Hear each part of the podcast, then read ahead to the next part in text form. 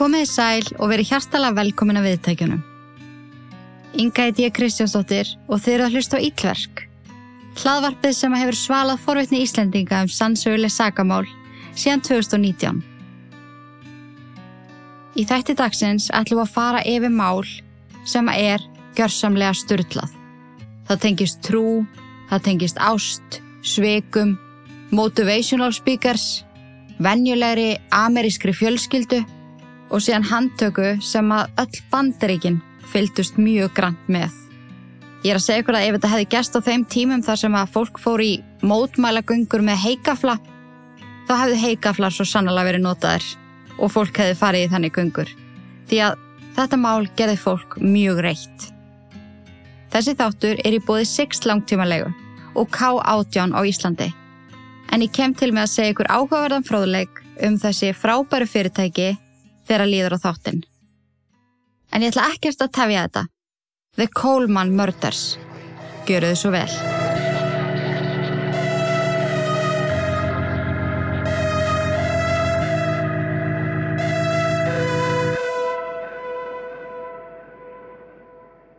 Christopher Coleman, alltaf kallaði Chris, átti tvo sinni og eiginkonu sem að hétt Seri.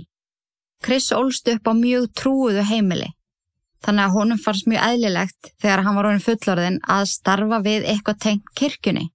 Svo þegar hann landaði starfi hjá Joyce Meyer Ministries var hann ansið sáttur því að það var mjög vel borgað. En Joyce Meyers er mjög þekkt fyrir að vera trúarlegur motivational speaker. Hún ferðast um bandaríkin og deilir trúni sinni ásandi að minna okkur á það að djöfullin er alltaf að reyna að tróða upp á okkur veraldlegum hlutum og allt áreitið sem að fylgir nútíma tekni er í rauninni djöfullin að banka upp á. En Joyce Myers er búin að starfa í mörg ár og fyrirtæki sem að hún rekur í kringum það sem að hún gerir veldir miljónum dollara á hverju ári. Og Chris fekk starfi á henni við að aðstofa við þessa túra sem hún fór í. Hann fann goða staðsendingar, hann passaði upp á öryggið á hverju staðsendingu væri gott aðstóðana við að skrifa ræðutna sínar og var í rauninni hennar hægri hönd eða ein af hennar hægri höndum því að hún átti mjög margar og þetta borgaði virkilega vel. En ef þú ætlar að vinna hjá Joyce Myers þá þurftir þú að mæta ákveðnum kröfum. Þú mótt ekki drekka, þú mótt ekki neyta fíknefna, þú mótt ekki halda framhjá, þú mótt ekki stunda eitthvað skonar sifjaspell og þú þarfst að fylgja trúni og vera trúaður sjálfur því annars gengur þetta ekki upp. Kristófer, sem er alltaf kallaði Chris, var fættur árið 1977, yngstur af þrem bræðrum og sonur þeirra Ron og Connie sem eru bæði prestar. Og eins og við töluðum um þá ólst hann upp á mjög trúuðu heimili og það var farið alfarið eftir biblíunni og hann þurfti að læra biblíuna frá því að hann lærið að lesa. Eftir útskrift og mentaskóla þá gengur Chris í sjóherin þar sem hann kynnist verðandi eiginkonu sinni Hún hétt Sherry West og var líka fætt árið 1977 og var meðlemur flughersins. Þau fara að slá sér upp saman og í ágúst árið 1997 þá fer Chris með Sherry heim til fóreldra sinna í Chester, Illinois og kynir hana fyrir þeim. En fóreldra hans voru ekkert sérstaklega ánað með hana og þetta átti eftir að vera svolítið gegnum gangandi í þeirra hjónabandi að þau voru ekki mjög ána með Seri. Þeim fannst hún ekki nógu kvenleg því að hún elskaði að vera í kaki stöppbuksum, hún var stuttklift og hún átti það til að segja What? Chris getur alveg gert það sjálfur þegar að koma því til dæmis að þvó þvótt eða elda mat. Hún var ekki þessi típiska kristna kona sem að þau vildu að svonur þeirra myndi giftast. Þannig að þau áttu það til að setja út á hana ekki beint við hana heldur við Chris þegar að Siri sá ekki til. Og það er eitt sem ég verða að taka fram. Muniði eftir Chris Watts málinu.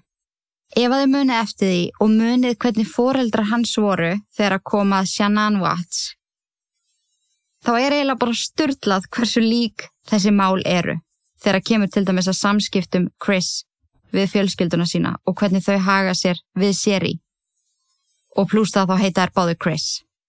En þau voru líka einstaklega ósátt með það að hún var með stórt tattoo á lærinu og þegar hún var í kaki í stuttbóksunum sínum þá sást þetta tattu mjög vel og þetta kom ekki vel út þegar þau voru í kirkini og hún ákvaða að mæta í stuttum kjól.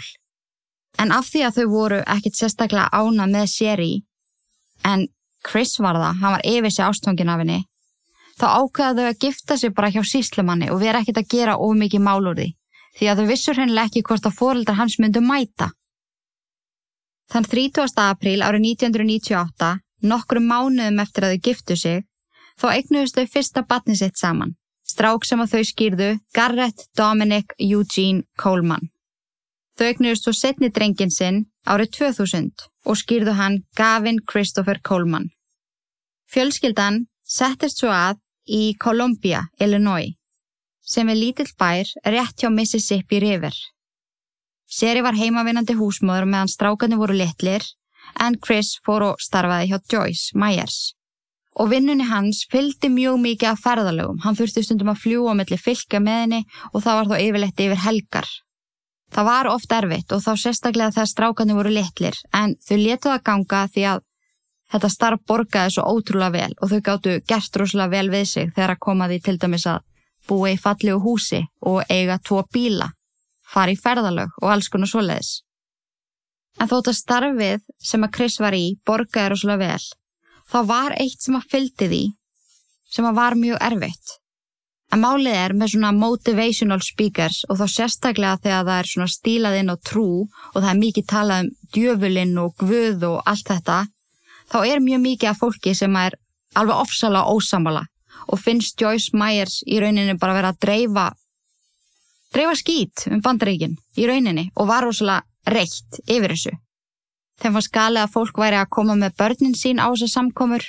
Þeim fannst galið að Joyce Myers væri fenginn til að tala í skólum og voru bara ofslega reið yfir þessari starfsemi og þóldan ekki. Og það sem að fyldi því að vinna fyrir þessa konu var að þú varst oft fyrir barðinu á þessu hatri frá fólki og sumir gerðu í því að leita uppi starfsfólkið hjá Joyce Myers og senda því hatusorðræður. Og það var eitthvað sem að Chris var búin að vera að lenda í í loka ásins 2007. Hann var ítrekað að fá e-mail frá e-mailadressinni destroychris at gmail.com Þetta var greila manneskja sem að ætlaði sér að ná sér niður á honum og í þessum e-mailum var verið að segja Ef þú stoppar Joyce ekki af, þá munum við ganga lengra og við munum skada þá sem að standa henni næst. Reyndu að stoppa þetta bull af. Allir sem að standa með Joyce Myers og vinna fyrir hana eru ítlir einstaklingar. Og þetta var stanslöst. Og Chris fór ítreka með þetta til lauruglu og bara, heyrðu, það er verið að áreita mig, þú veist, þetta er daglegt, ég er alltaf að fá e-mail og það er alltaf verið að hóta mér en á meðan það var ekki verið að gera neitt við hann og meðan þetta voru bara hótanir og manneskjan vistist ekki vita hvað hann býrið hann eitt svoleiðis þá var rosalega lítið eftir að gera nema halda bara áfram að fylgjast með taka skjáskot af þessu og sapna þessu allir saman. En svo fór manneskjan sem að var að senda þetta eða manneskjötnara í að því að hún vissi hvar Chris og Sherry og strákanir áttu heima. Bara ég er að fylgjast með þér. Ég mun drepa strákana þína ef þú stoppar Joyce Myers ekki af Sumulegis var að gerast að einstaklingur eða einstaklingar brutust inn á heimiliðara og spreyjiðu meinirðum á vekkina með rauðu spreyi. Og þetta var svolítið svona helter skelter Charles Manson stíl þakkaði nýri Joyce eða ég þakka nýri þér. Pigs og eitthvað svoleiðis. Og þetta var orðið sem ekki áhyggjuefni og fólk í götunni var farið að fylgjast svo vel með að nágrani Kólmann hjónana setur upp myndavel í glukka svona sín sem að snýr að húsinu til þess að náði á mynd hver væri að fara að húsinu. Hvort það væri ykkur að setja um þau, hvort það væri ykkur að keira þarna framhjá ótrúlega oft eða eitthvað svo leiðis. Og sömulegði setur Chris upp myndavelar inn í húsinu sínu. Þannig að blessunlega voru Chris og Siri ekki að burðast með þetta einn. Þú veist, nágranna þeirra voru að hjálpa, lauruglu var gert viðvarst og stundum þegar þetta var búið að vera mjög slæmt, þegar það var búið að berast mjög mikið af e-mailum og brefum innum brefalúuna, þá stoppaði lauruglastundum bara lauruglubíl utan við húsið og satar yfir nóttina bara til að fylgjast með bara þannig að þau getur sofið rólega því að skiljanlega þá var þetta að fara að taka sinn toll og þetta var svo sannlega að fara að taka sinn toll á hjónabandinu og þau voru farin að rýfast miklu meira. Og þau voru miklu minna náinn líka kynferðslega og svo leiðis af því að þeim leið alltaf eins og það væri ykkur að fylgjast með þeim sem er alveg skiljanlegt. Og líka eiga tvo unga stráka sem voru oft út að leika sér, oft út að hjóla. Þetta hefur verið ótrúlega mikið álag og líka bara stanslaus ótti. Síðasta hótunin átti sér stað í april árið 2009 og þetta var sendt af e-mailinu destroychris.gmail.com og sendt á e-mailans Chris og í þessu e-maili stóð This is my last warning. Your worst nightmare is about to happen. I will kill them in their sleep. En þannig töluðu Chris og Sherry við nágranna sína lauruglu Myndavillin hjá nágrununum hafði ekki pikka neitt upp. Það eina sem að myndavillin hafi séð síðustu daga var þegar að Chris var út í gardi að leika við strákana. Það hafði enginn sérst á myndavillum koma að húsinu eða neitt svoleiðis. Morgunin 5. mæ, klukkan kortir í 6, þá vakna Chris og fer á æfingu eins og hann gerði alla mótna. Þegar hann var búin að vera á æfingu í hálftíma var komin tími fyrir séri að vakna með strákunum en þau voru öll ennþá sofandi þegar hann fór að heiman. Og hún gerði þetta alltaf til að ganga á skugga um að hún myndi vakna með strákana í skólan. Þannig að hann ringir en hún svarar ekki og hann ringir aftur og aftur og aftur og hún svarar ekki símanum. Hún var vun að svara þegar hann ringdi svona en það fyrsta sem að koma upp í hugan á honum var að hún var auðvitað bara steinsofandi og ítti var á sælent á símanu sínum af því að hún snýri sig við og fór aftur að sofa. Hann býður þá í fimm minútur og ringir svo aftur. Og aftur þá svarar hún ekki símanu sínum. Þannig að hann ákveður að ringja í nágranna sinn sem að er að vakna á svipum tíma og þau yfirleitt og spyr hann hvort hann getur farið yfir og aðtúað hvort þau séu vaknuð, hvort það sé ekki allt í góðu. Það sé svo skrítið hún sé ekki að svara honum. Það sem að nágrannin tekur strax eftir er að það er búið að spenna upp gluggan á jarðhæð húsins. Þetta er sér strikkjaða hús, það er kjallarhæð miðhæð og svo þriðihæð og upp á þriðjuhæðinni eru svefnherbyggin þar sem þau ætti að vera sofandi. En á neðstuhæðinni þá er búið að spenna glukkan út og hann liggur bara á jörðinni. En hann fer og bankar og bankar og glukka og fær ekkit svar þannig að hann ringir í Chris og bara heyrðu það er enginn að svara mér. Hvað ég að gera? Og Chris segir hann að fara bara inn. Það sé líkill undir móttinni, hann eigi bara að fara inn og kíkja hvort það sé ekki allt í góðu. Og nákvæmlega gerir það og um leiðu hann lappar inn í húsið þá finnur hann yfirgnæfandi lykt af spreyi og lyktin var svo sterk að það sveif á hann. Og þegar hann gekk lengra inn í húsið sá hann að það var búið að spreja á vekkin I'm always watching you and you have paid með rauðu spreyi. Nágrannin ringir í Chris og segir hann verða að koma heim það sé eitthvað mjög skrítið í gangi. Og meðan nágrannin býður eftir að Chris komi aftur tilbaka þá gengur hann um húsið og hann kallar á séri, hann kallar á strákana, það er ekkit svar, bara ótrúlega sterklegt. Hann að hann fer upp á þriðuhæð húsins.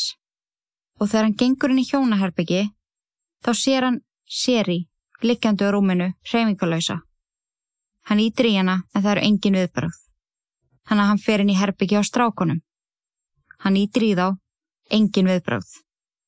Hann að nágranninn Lætur ekki bara döga að ringja á Chris, heldur ringjar hann á laurugluna og sjúkrabíl. Nokkru mínútum síðar mætir Chris á svæði. Hann hleypur inn í húsið, hleypur upp á þriðjuhæð og hann urlast. Hann fer yfir rúmi á konunni sinni, ítir í hana, hann fer inn til strákana, ítir í þá, hann urlast og hleypur aftur út úr húsinu og í rauninni dettur í jörðina fyrir utan og liggur þar í fóstustellingu þegar laurugla og sjúkrabíl mæta á svæðið en nokkrum mínútum síðar eru séri og strákarnir úrskurðu látin. En ykkur hafði kyrstau til bana í rúmónum sínum þar sem að þau lágu enn. Það sem allir hugsuðu strax er Guðminn Almóttur, fólkið eða manneskjan eða hver sem það var sem var að hóta fjölskyldunni hefur gengið svona langt, hefur brotist inn á heimilegra og myrt þau og sannlega beði eftir því að Chris færi í burtu því að það var búið að hóta því að drepa fjölskyldunans. Og þegar Chris er fluttur upp á lauruglustöðu í viðtal og bara aðleðningu og lauruglega er að segja við hann bara við munum gera allt til þess að finna út úr þessu, þá er hann spurður ítrekað, er ekkur sem að þið dettur í hug? Ykkur, ykkur nafn, ykkur sem við getum skoðað. Og hún er dettur ekkit í hug. Það eina sem hún er dettur í hug er þessi e-mail aðgangur. En lauruglithjónanir sem að voru þeir fyrstu sem að byrjuða að vinna í málinu sögðu við hvernig annan við erum að fara að gera allt til að hjálpa þessu manni. Þetta er hræðilegt. Það er búið ásækjan. Við þurfum að heyra í Joyce, yfirmannans. Við þurfum að reyna að gera allt sem í okkar valdi stendur til að finna út úr þessu því að það er búið að myrða þarna unga konu og tvo unga drengi. Hann stendur einn eftir. Þetta er hræðilegt. Chris setur á þarna heil lengi og ræði við lauruglu og reynir að gefa ykkurar upplýsingar. Það er spurt hann hvort að hjónabandi sé í lægi, hvort að sé ykkur á hennar vegum sem gæti að hafa gert þetta, er eitthvað annað sem að, eitthvað sem hún er döttur í hug. Því að laurugla vissi ekki nákvæmlega hvar væri best að byrja. En sangant honum var ekkert að hjónabandinu, þau áttu bara ótrúlega góð samskipti, það var engin hennamegin sem hún er dött í hug og þau áttu ekki neina óvinni. Það var bara þessi óvinnur sem að þau eignuðist út frá vinnunans. En svo fara að renna á laurugluþjónuna tvær grímur. Þeim fannst ótrúlega sérstakt að Chris spurði aldrei hvað kom fyrir þau, hvernig dói þau og þau spurði hann. Þú er ekki hugmyndi um hvernig þau voru drefinu það. Og Chris segir, nei, þau eru ekki búin að segja mér það. En spyr svo ekkert. Nei, getið þið sagt mér hvernig þau voru drefin, hvað gerðist? Vitið þið eitthvað? Og því lengra sem að líður á viðtalið, því skrýtnari tilfinningar fara lauruglithjóðanar að upplifa. Hann er að haga sig mjög undala, hann er ótrúlega kaldur, hann spyr ótrúlega lítið og þeim fannst líka rosalega sérstakt að hann beður um teppið því að honum er svo kallt. En það eina sem hann leggur teppið yfir eru hendunar. En þeir höfðu tökið eftir því að hann var allur út í skrámum á höndunum. Hann var hann að fel eitthvað. Hann að þeir fara að íta meira á Chris. Er eitthvað, ertu alveg vissum að það var allt í með hjónabandið ykkar? Þú veist, það var ekkit framíhaldi en eitt svoleiðs. Það voru engar samræður í gangi við, segjum, aðra konu eða eitthvað þannig sem að konaðin hefði ekki verið ána með. Þetta er eitthvað í hug. Og þá fyrir hann að tala um það, jú, ok, það var reyndar einn kona sem ég spjallaði mjög reglulega við. En þú veist, við erum bara vinir. En kona mín hefði sennilega ekki verið ána með það, ég var að tala svona mikið við hana. En mér vantaði bara ofta einhvern að tala við og ég gæti reitt með á hana. Og hann gefur upp nafnið Tara Lentz. Tara var búsett í Flórida og hún var æsku vinkona séri, hún var með henni í mentaskóla. En það sem er gert á meðan það er verið að ræða áfram við Krissi yfir heimsluherbygginu er að það er haft sambandi laurugluna í Flórida og það er beðið laurugluna þar um að hafa uppi á töru, hvort að hún geti veitt ykkur einsýn inn í málið því að hann segir að þau hafi bara verið vinir. Og það er gert og það er lauruglukona í Flórida sem að tekur á móti símtælunu og hún hefur sambandið töru.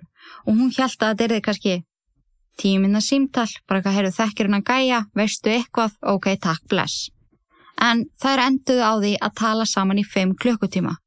Því að Chris hafi dreyið alveg verulega úr sambandinu þeirra. Því að samkvæmt töru, þá voru þau að fara að gifta sig. Hún var með að skráð niður í dagatælinu sínu að þau var að fara að gifta sig Þennan dag ætlaði hann að fara að máta kjóla, þetta er dagurinn sem að þau sváu fyrst saman, þetta er dagurinn sem hann gaf henni ring, þetta er dagurinn sem að þau fóru fyrst í útlandaferð saman og þetta hafði staðið yfir í marga mánuði. Í næstu í sex mánuði hefðu verið að halda við hvort annað og hún virkilega hjælt það að hann væri að fara að fara frá konunu sinni og giftast henni. Þau sendu kynferðisleg skilabóð og myndir til hvers annars Þau voru að klæmast öll kvöld, þau töluðu saman í síman öll kvöld og þegar Chris sagðist þurfa að fara í vinnuferðir, þá var hann vissulega að fara í vinnuferðir, en það sem hann gerði í leiðinni var að kaupa fljómiða fyrir töru og fljúinni þangar sem hann var að fara, þannig að hún geti eitt tíma með honum. Og þegar þetta kemur í ljós, þá er skindilega komin kvati fyrir þessu öllu saman og það er tala við vini Sherry, það er tala við vini Chris og vinkonu í segja að hún sé búin að vera að tala um það núna í marga vikur að hann síninni einhvern veginn enga ást og umhyggju. Hann vilji ekki koma við hana, hann vilji ekki sofa hjá henni eða kissa hana. Hann sé búin að vera ótrúlega kuldalegu við hana og sé ítrekkað að ræða það að skilja. En Seri vildi ekki skilja, henni langaði að fara fyrst til sambandsrákjafa, reyna að vinni í þessu og hann samþyktið alltaf.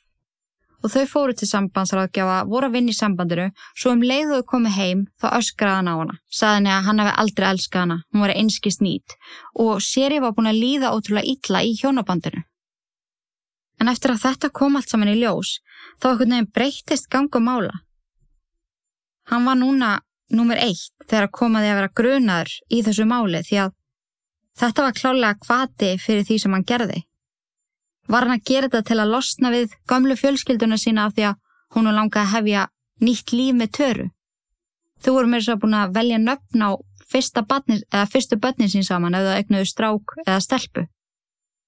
Þetta var orðið ótrúlega djúft og eins og ég segi þá trúði Taraði ég alveg innilega að hann var að fara frá séri fyrir hana.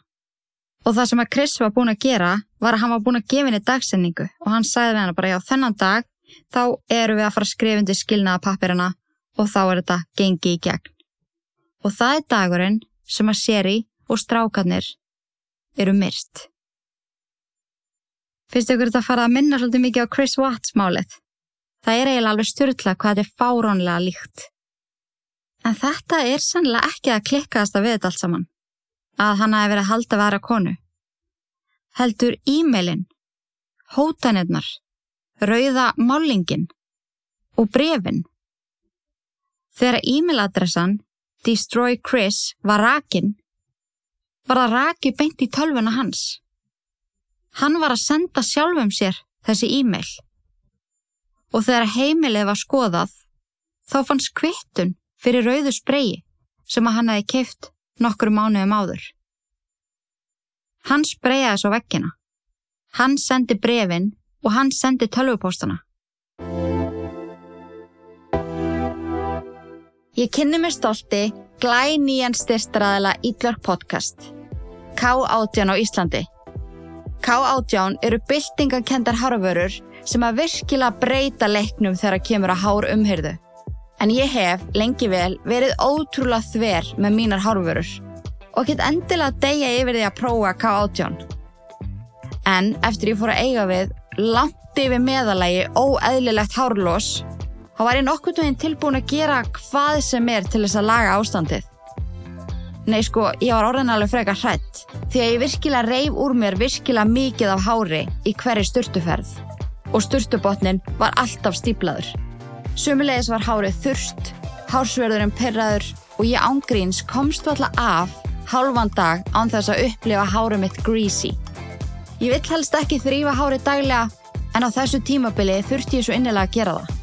Ég ákvaða að prófa K18 og hefur að nota núna í tvo mánuði. Og ég get allavega sagt okkur það að ég sérstaklega bað um þetta samstarf því að ég virkilega vildi fá tækifæri til þess að segja öllum konum með hormonatengt vandamál, líkt og ég, frá þessum hárfurum. Það er í alverðinu lækna hárið eitt með tímanum.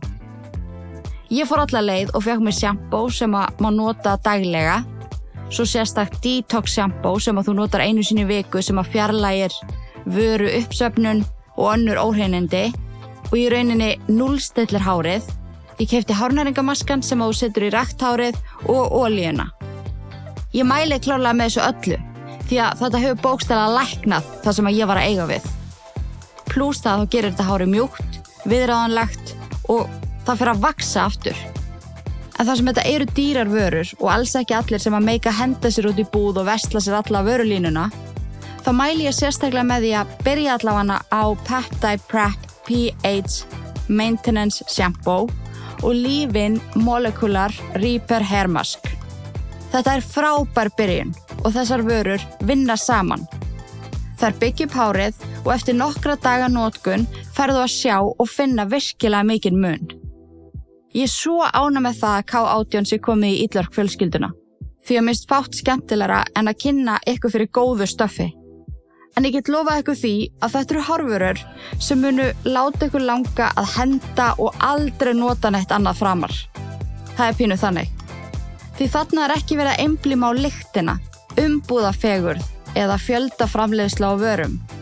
Heldur við virkilega hort í vísendin og blandan gömgæfilega sett saman fyrir hárið. Ég hlekka til að halda áfram að fræða ykkur og enn og aftur hveti ykkur til þess að fara inn á reykjavíkverhás.is og skoða vörurnar. Lesa um þær og mögulega hendi í pöntun ef eitthvað líst vel á og ef að þið getið það. Hárvörurnar sem að læknuðu hormónavesinnis hárið mitt. Nýrstyrstaraðili Ítlar podcast.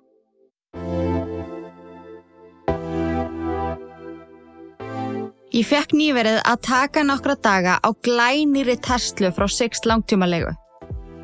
En núna eru að týnast inn hjá þeim alls konar típur af Teslum. Svo sem Model 3 Long Range og Model Upsilon Long Range. Í fyrsta lægi, váka þetta er ekkert eðlilega skemmtilegu bíl. Ég fekk að prófa Model Upsilon Long Range og þetta er svo innilega mikil eðalkerra. Mér fannst ég freka mikil gælla alls konar skemmtilegur aukabúnaður, raflaðan endist endalust og það sem er uppáaldið mitt við bílinn, appið. Hversu þægilegt er að þurfa ekki leikil til að opna, loka eða kveikja bílnum? Það er hægt að leia Tesla og Sixt í 8 mánuði, 12 mánuði, 24 mánuði og 36 mánuði. Að þeim tíma loknum getur þú skilað henni eða framlengt og fengið glæni að Tesla eða annan bíl í hendurnar. Ég vil eindrei hveti ykkur til þess að skoða þann kost að vera með bíl í langtímalegu hjá Sixt. Hvort sem að það er Tesla eða annars konar bíl. Eins og til dæmis glænýja Toyota BZ4X, WAF-X. Hann er ekkit eðlilega flottur. Jú eða klassískan Toyota Yaris. Sömbilegis vil ég hveti ykkur til þess að prófa ykkur áfram með 100% ramagsbíla. Það hljómar smá skeri í fyrstu að þurfa virkilega muni eftir því að hlaða á þess áttar en vá, sapnast þegar að saman kemur. Á mínu heimili fóru greiðslur niður í lítið sem ekkert og rúmlega 60.000 á mánuði eftir að við skiptum yfir í 100% ramagn. Það mark borgar sig og ég get lofað eitthvað því að sextum er rétt að ramagspílinn fyrir þig á ótrúlega hagstæðum kjörum. Engin aukagjöld, engin útborgun, ekkert vesen. Sex langtímalega. Okkar allra besta bílalega síðan 1912. Takk og bless! Þegar fóreldra hans voru fenginni viðtal þá vildu þau ekki trúa því að þetta geti staðist. Sónu þeirra væri ekki svona maður. Hann væri ótrúlega hilsteiftur, góðhjartaður, góðu pappi, góður eigimaður, trúaða maður sem hann myndi aldrei nokkuð til mann gera svona lagað. Og sömulegis er tekið viðtal við Joyce Myers og hún kemur með ótrúlega góðan punkt að því að hún trúir strax að hann hafi gert þetta því að sönnunagögnin í rauninni liggja fyrir og hún segir ég held að hvaðin fyrir þessu hafi verið sá að hann er í rekin ef að hann hefði haldið fram hjá konunni sinni og hann myndi missa þarna þúsund dollara á mánuði sem hann færi tekjur og því að hún er langað að hefja nýtt líf. Hann var alltaf mikill heigull til að fara í gegn með skilnað því að það geti raskað öllu því sem hann hafi byggt upp Hann var hrættu við það að halda áfram að halda framhjá því að hann erði rekin frá mér ef það erði svo leiðis. Þannig að hann hefur ákveðið að þetta væri best í stöðunni. Og munið það sem ég sagði ykkur í byrjun, ef þetta hefði verið sá tími sem að fólk gekk um með heikafla og var að mótmæla, þá hefði það verið gert þarna. Því að þegar þetta fór að berast út að hann hefði verið að halda framhjá og hann hefði myrst því að hann vildi byrja nýtt líf með töru, hann vildi losna í gamlu fjölskylduna sína og hann meikaði ekki að missa starfið sitt, þá var fólk brjálað. Og Chris Coleman var hataðasti maður bandaríkjana og hann þurfti að ganga um í skotheldu vesti þegar var verið að flytja hann á milli lauruglustöða eða upp í dómshús eða eitthvað svo leiðis. En hann var eftir viðtalið, hann var fyrsta daginn, handtekinn, grunaður um morðið á fjölskyldunni sinni. Og það sem var rannsókna á heimilinu og krupning leiti í ljós var að það er engin annar sem að kom til greina Það voru engin DNA síni sem að meðguð ekki sensatninni. Það var einhvern veginn ekkert. Það var bara þessi skrítni gluggi sem var búið að spenna upp hann í kjallaranum svo að DNAði hans utanum hálsinaðum öllum. En það sem að þótti líka mjög styrlað er að krupning leiður í ljós að þau voru myrst upp á klukkan þrjú um nóttina. En munið að hann fyrir rættina þannig rétt fyrir klukkan sex. Þannig að hann hefur að öllum líkendum myrst þau og beði svo í þennan tíma til þess að hann að halda venjulegri rútínu, til þess að hilma yfir því sem hann hafi gerst. Fersauðiræktina tekur góða klukkutíma æfingu, býsir svo til þess að fjárvistasönnun og í rauninni vill að ykkur annar komi að morðvettvangi til þess að taka aðteklina frá honum. Það var líka rannsakað það sem að var skrifa á vekkina og borið við skriftina hans. Og það leik engin vafi á því að hann var sá sem að spröyta þetta á vekkina. Og það að hann hafi sendt þessi hótunar bref á sjálfan sig, segir manni það í rauninni að hann var byrjar að undibúta í nokkra mánuði áður en þetta gerðist. Það var eins og þetta hafi verið planið eða spurning hvað þetta átti að gera, þessar hótanir, af því að þetta byrjaði um svipa leiti og hann fór að halda við töru, þessar hótanir á fjölskylduna. Þannig að maður veldi í fyrir sér, allir hans fyrsta hugsun um hvað var best að gera í þessari stöðu var að myrða fjölskylduna sína, að myrða sinni sína og eiginkonu sína.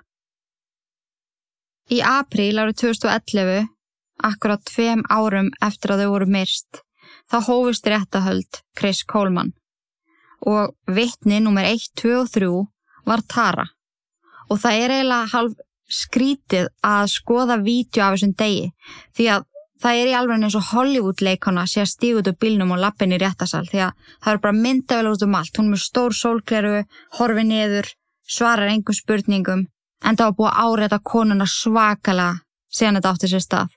Hann voru margir búin að kenna henni um en það er ekkert sem að bendi til þess að Tara hafi vitað eitthvað um þetta. Það eina sem að hún í rauninni var segum var að falla fyrir giftumanni. Og hún virkilega trúði því að hann væri að fara frá konunni sinni fyrir hana. Hann var líka búin að segja það margótt við hana.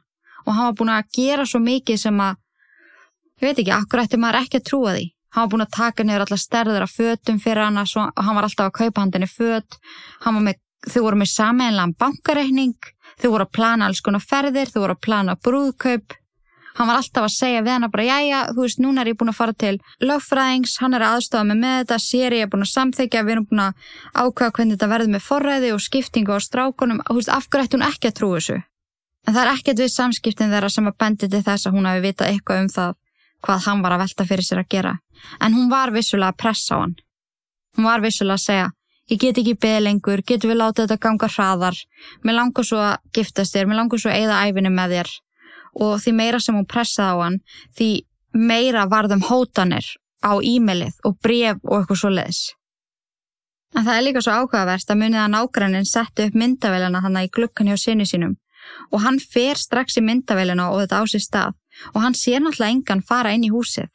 Og það er líka sönnunagag sem átt eftir að hjálpa helling. Og það er einhvern veginn allt við þetta mál sem að bendi til Chris Coleman þótt að hann hafi staði mjög fastur á því að hann væri saklaus og sömulegis vildi fóreldra hans ekki meina að þetta væri þetta var ekki fræðilegu möguleiki, hann myndi aldrei gera svona lagað. En máli var sett upp þannig að hann byrjaði sambandi með Töru og var yfir sig ástfangin af henni. Hún langaði svo að skiptum líf og vera með henni en hann sá fyrir sér að ef hann myndi skilja út af því að hann var búin að hitta aðra konu þá myndi hann missa vinnuna sína af því að Joyce Myers var mjög trúið og vildi hafa allt rosalega klift og skorið þannig að hann myndi tapa þarna vinnunni sinni og hann þurfti að fara í gegnum skömmina að skilja. Hann þurfti að skipta forraðinu upp með séri og þetta var bara allt og erfitt fyrir hann og hann var bara allt og mikill heigull. Þannig að hann sá fyrir sér að það er best að eigða þeim bara algjörlega út og ég get bara þá byrjað upp á nýtt. Ég fæ þá orkun, ég fæ töru, ég fæ að halda áfram með vinnuna mína. Þetta sem ég ætla að gera. Og það að hann hafi verið að hóta sjálfun sér og fjölskyldunni sinni í allan hennar tíma segir okkur bara það að hann ákvaða þetta mjög fljótlega eftir hann kynntist töru að þetta er það sem hann ætlaði að gera. Þannig að þetta er ekki bara morð á fjölskyldunni sinni heldur fyrirfram ákveðið og planað morð Eftir umlega sex vikna réttahöld í april árið 2011 þá var Chris Coleman dæmdur til lífstegar fangilsinsvistar án möguleika á reynslulegst.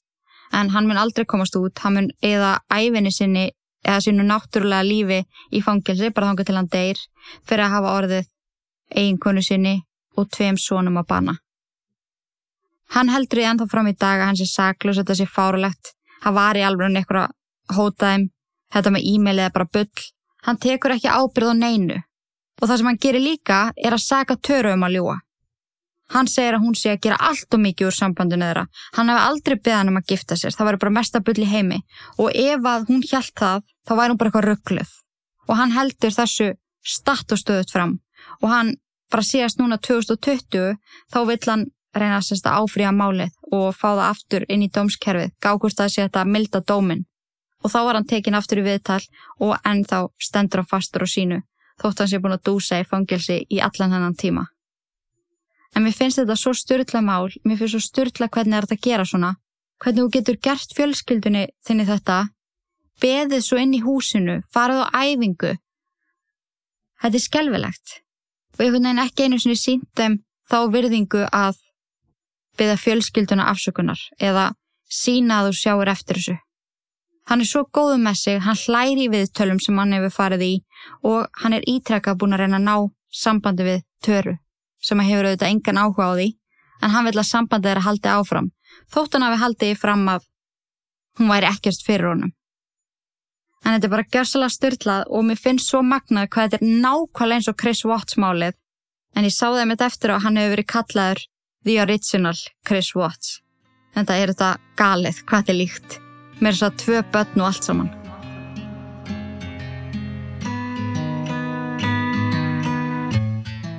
En þetta var því styrlaða mál Kólmann fjölskyldunar. Ef ykkur langar í fleiri þættir sem slíka, getið þið skráðið ykkur í áskriftina inn á illark.is. Hún kostar 950 krónur á mánuði og henni fylgir engin binding en við skráningu færðu aðgangað yfir 200 auka þáttum, 5 nýja í hverjum einasta mánuði og svo þessa fríu án auglýsinga. Hanna, kynntu þér endilega málið inn á ítlverk.is. En þanga til ég heyri ykkur næst, í guðanabænum forðistu öll ítlverk, nema þetta podcast. Veriði sæl. Haugur, take it away.